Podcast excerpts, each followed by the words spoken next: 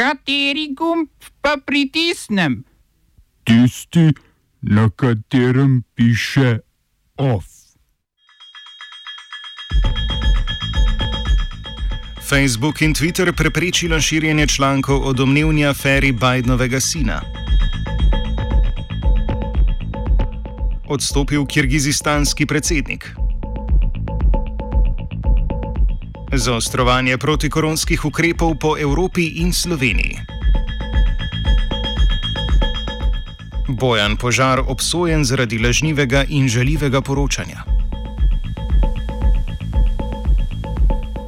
V kulturnih novicah pa enotna cena knjige za zdaj ostaja.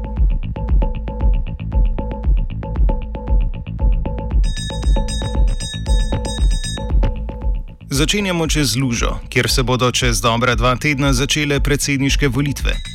Republikansko stranko in njene podpornike so razburile nove omejitve deljenja vsebin na družbenih omrežjih. Facebook in Twitter sta namreč omejila deljenje članka časnika New York Post, v katerem ta objavlja domnevne dokaze za sumljivo poslovanje demokratskega predsedniškega kandidata Josefa Bidna in njegovega sina z različnimi poslovneži iz Ukrajine. Zgodba je milo rečeno nekoliko dvomljiva, saj dokazi prihajajo od osebnih prijateljev Bidnovega protikandidata in predsednika Donalda Trumpa. Ti naj bi jih pridobili na osebnem računalniku, ki naj bi ga pri nekem računalniškem serviserju pozabil Hunter Biden. Ker je zgodba tudi zaradi posebne bolezni omenjenega serviserja računalnikov, ki mu onemogoča prepoznavanje obrazov, neverodostojna, so se pri Facebooku in Twitterju odločili, da preprečijo njeno širjenje na svojih platformah, kar je razjarilo predsednikove podpornike. Odločitev je del vedno ostrejšega nadzora nad vsebinami, ki se lahko delijo na njihovih straneh. Obe omenjeni podjetji sta uvedli dodatne omejitve širjenja sovražnega govora, lažnih dejstev o koronavirusu in napačnih navedb o cepljenju. Ameriška predsedniška tekma sicer prehaja v sklepno fazo. Danes bi moralo potekati drugo predsedniško soočenje, ki pa je bilo odpovedano potem, ko so ga organizatorji želeli prestaviti na splet, na kar pa Trump ni pristal. Biden je medtem objavil, da je zgolj v septembru prejel 330 milijonov evrov denarnih donacij, kar je absolutni rekord in mu daje precej veliko finančno prednost pred Trumpom.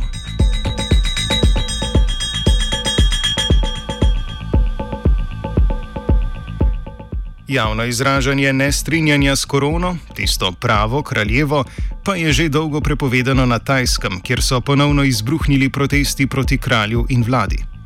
Vlada je kar tekom protesta sprejela krizni odlog, na podlagi katerega je policija že pol ure kasneje začela razganjati, pretepati in aretirati protestnike. Po prvih podatkih je bilo na protestu aretiranih tudi 20 opozicijskih politikov, oblasti pa, so, oblasti pa so po razgonu protestnikov pridržale tudi večino opozicijskih voditeljev, ki se protesta niso udeležili. Pod novimi kriznimi ukrepi veljajo dodatne omejitve javnega kritiziranja vlade in kralja, ki prepovedujejo vsakršno, citiram, retoriko, ki bi v ljudeh lahko vzbujala strah in nezaupanje. Konec citata. Protestniki ne nasprotujejo le razsipnosti tajskega kralja, ki pandemijo preživlja v luksuznem hotelu v nemškem Garmisch-Partenkirchnu, kjer si je uredil tudi posebno sobo za spolne užitke, temveč tudi vladi predsednika vlade Prajuta Chan Oče, vplivnega vojaškega voditelja in nekdanjega člana tajske vojaške hunte.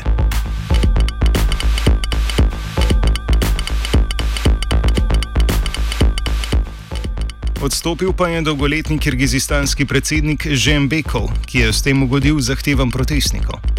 Sprva je obljubil, da bo odstopil, ko bo država dobila novega mandatarja, na to pa svoj odstop prestavil do zaključka naslednjih volitev. Protestniki so po tej napovedi zagrozili, da bodo v tem primeru udrli v predsedniško palačo in ga sami odstavili. Kot je v odstopni izjavi povedal Žembekov, bi se tako dejanje sprevrglo v pokol, saj bi bile varnostne sile primorane streljati na protestnike, zato se je odločil, da vseeno odstopi.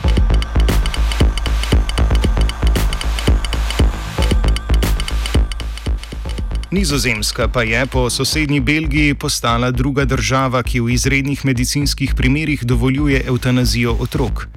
Do sedaj je bila ta dovoljena le pri otrocih do enega leta starosti in po 12. letu starosti. Za poseg bo poleg izrednega zdravstvenega stanja, privolitve obeh staršev in psihološke ocene stanja staršev potrebna še privolitev dveh nepovezanih zdravstvenih strokovnjakov. Zakonu sta nasprotovali največji krščanski stranki v državi: Krščansko-demokratski apel oziroma CDA in Krščanska unija. Zanimivo je, da je predlagatelj zakona, ministr za zdravje Hugo de Junge, prav iz vrst CDA, a se je na podlagi najnovejših znanstvenih raziskav odločil, da bo predlog podprl, kljub nasprotovanju lasne stranke. Slava mu!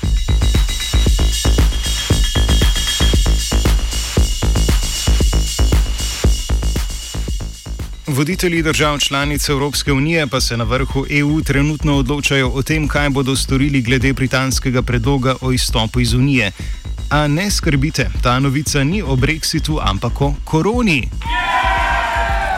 Evropske države namreč uvajajo vedno strožje ukrepe za zaezitev širjenja virusa. V Franciji bo od danes naprej veljala policijska ura, zaradi katere bo prepovedano kakršno koli zadrževanje v javnosti med 9. uro zvečer in 6. uro zjutraj. V Nemčiji so zabeležili rekordnih 6000 okužb. Ministr za zdravje Jens Spahn pa je opozoril, da se morajo Nemci pripraviti na to, da božičnih praznikov, kot jih poznajo, ne bo. Virus pa ni prizanesel niti samim vrhovnim predstavnikom držav EU. Polskega ministra namreč zaradi karantene, v katero je bil prisiljen po stiku z okuženo osebo, na vrhu EU zastopa kar njegov češki kolega. Oba, če, bom odgovoril na angliški. Slovenija bo poskušala pomagati. Slovenija bo naredila naš utmost, da bo rekla, da je situacija naš problem, sami. In da bomo naredili nadaljnje korake, as soon as the conditions are. Bomo vlado Marjana Cererera Šarca podprli. Zelo, zelo resno. Slovenija. Vemo, kako in bomo. Novice o protikoronskih ukrepih pa nadaljujemo doma, kjer je vlada na novinarski konferenci predstavila nove ukrepe iz tako imenovanega tretjega oziroma oranžnega svežnja ukrepov. Državo so razdelili na rdeča in oranžna območja, osnovana na statističnih regijah.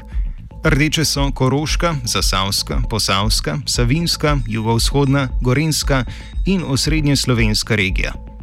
Prebivalci teh regij ne smejo potovati v druge statistične regije, tudi v ostale rdeče ne, razen za opredeljenih 11 izjem. Izjeme poleg različnih gospodarskih dejavnosti vključujejo skrb za nepremičnine, skrb za svojce in zdravstvene storitve. Na rdečih območjih bo tudi obvezna nošnja mask na vseh javnih površinah, torej tudi zunaj. Prebivalci oranžnih regij za zdaj nimajo nobenih dodatnih omejitev. Vlada je poleg tega uvedla prepoved vseh prireditev, razen tistih, ki že imajo posamezno izredno dovoljenje NIAZ, na rdečih področjih pa tudi izvajanje športnih aktivnosti, manjših kulturnih prireditev in podobnih dejavnosti.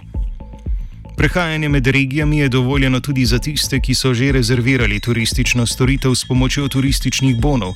Tisti, ki pa bodo to storili v naslednjih dneh, pa bodo lahko potovali le znotraj rdečih območij. Po navedbah ministra Hojsa bo prehajanje med regijami farsoidno dovoljeno tudi za obisk grobov ob 1. novembru.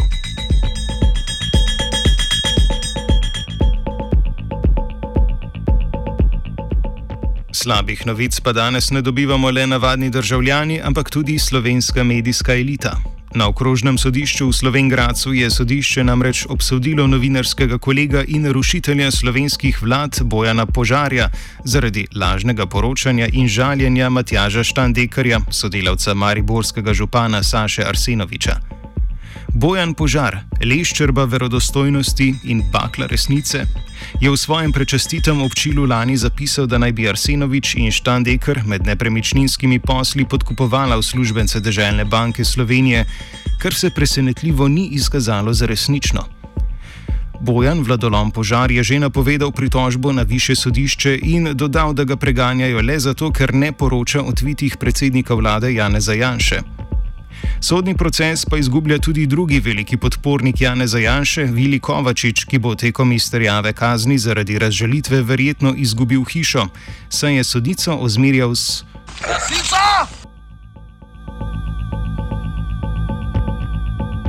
S prasico, ja. Da pa vzračijo, da je ne bo tako turobno, še vesela novica za konec. Iz podjetja Hisense Gorenje so sporočili, da bodo v Velenju januarja po načrtih odprli novo tovarno televizorjev. Ta bo zaposlovala 400 novih zaposlenih, od tega 330 zaposlenih neposredno v proizvodnji.